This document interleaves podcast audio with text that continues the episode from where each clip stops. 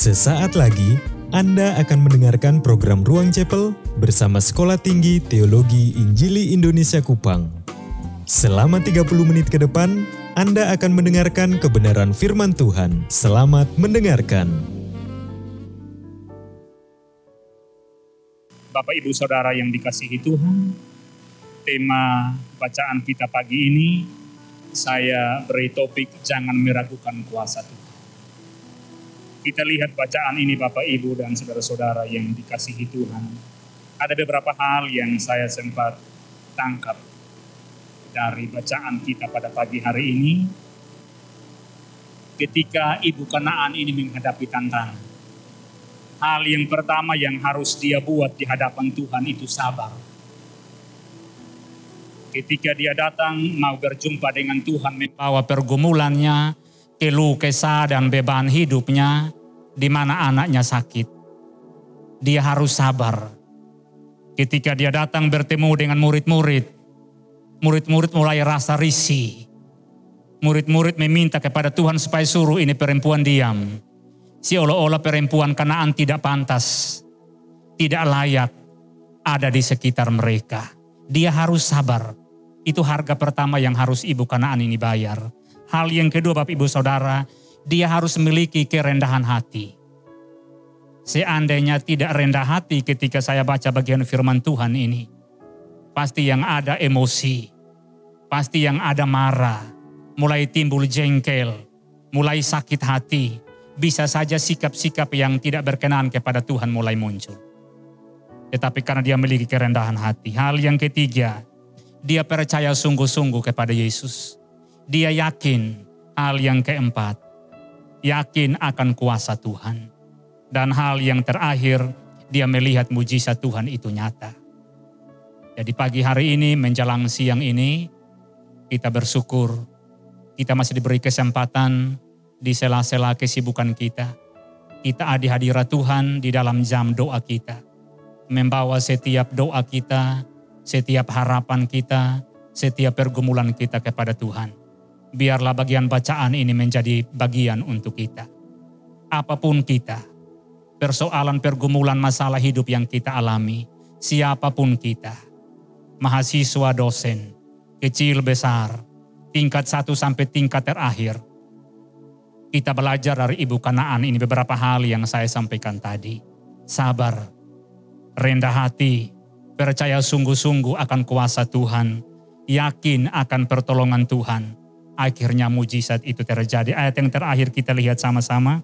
Kita baca sama-sama dengan bersuara sekali lagi. Ayat yang ke-28, 23. Maka Yesus menjawab dan berkata kepadanya, Hai ibu, besar imanmu, maka jadilah kepadamu seperti yang kau kehendaki. Dan seketika itu juga anaknya sembuh. Dalam setiap sisi hidup kita, Tuhan selalu ada bersama-sama kita. Amin. Kuasa Tuhan tidak jauh dari orang percaya. Termasuk kita yang tiap hari, tiap minggu ada hadirat Tuhan. Bersekutu, selalu berseru minta tolong kepada Tuhan. Yakin kuasa pertolongan Tuhan tidak jauh. Apabila kita sungguh-sungguh, mungkin kita berdoa, kita belum melihat merasakan kuasa pertolongan Tuhan. Kembali, periksa hidup kita, periksa hati kita.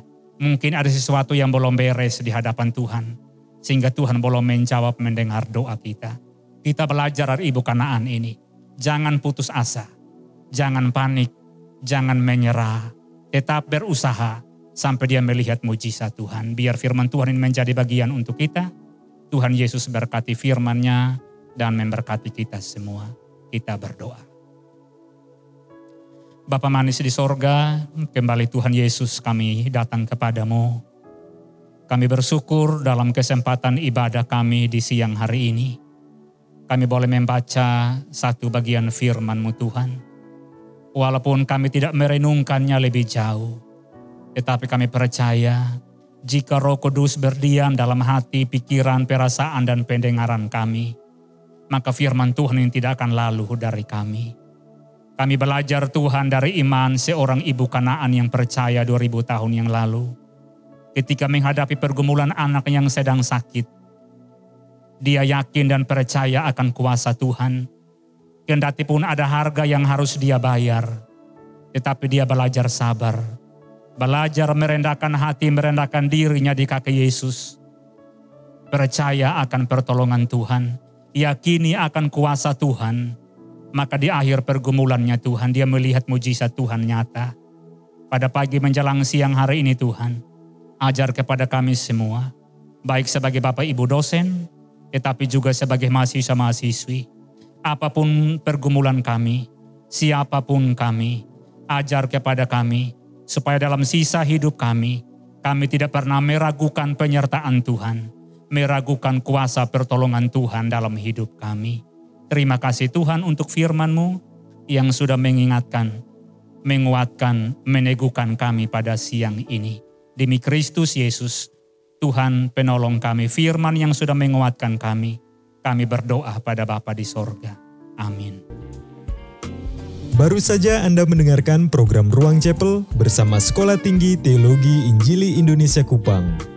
Jika Anda rindu diperlengkapi menjadi seorang pelayan Tuhan yang berpengetahuan teologi yang tinggi, berkarakter Kristus, untuk memperluas kerajaan Allah, mari bergabung bersama kami di Sekolah Tinggi Teologi Injili Indonesia Kupang, Jalan Tua Bata, Kecamatan Alak, Kupang, Nusa Tenggara Timur. Kunjungi website kami di www.sttii-kupang.ac.id. Facebook STTII Kupang. Hubungi kami di 0813 5359 2277. Sekali lagi 0813 5359 2277. Terima kasih. Tuhan memberkati.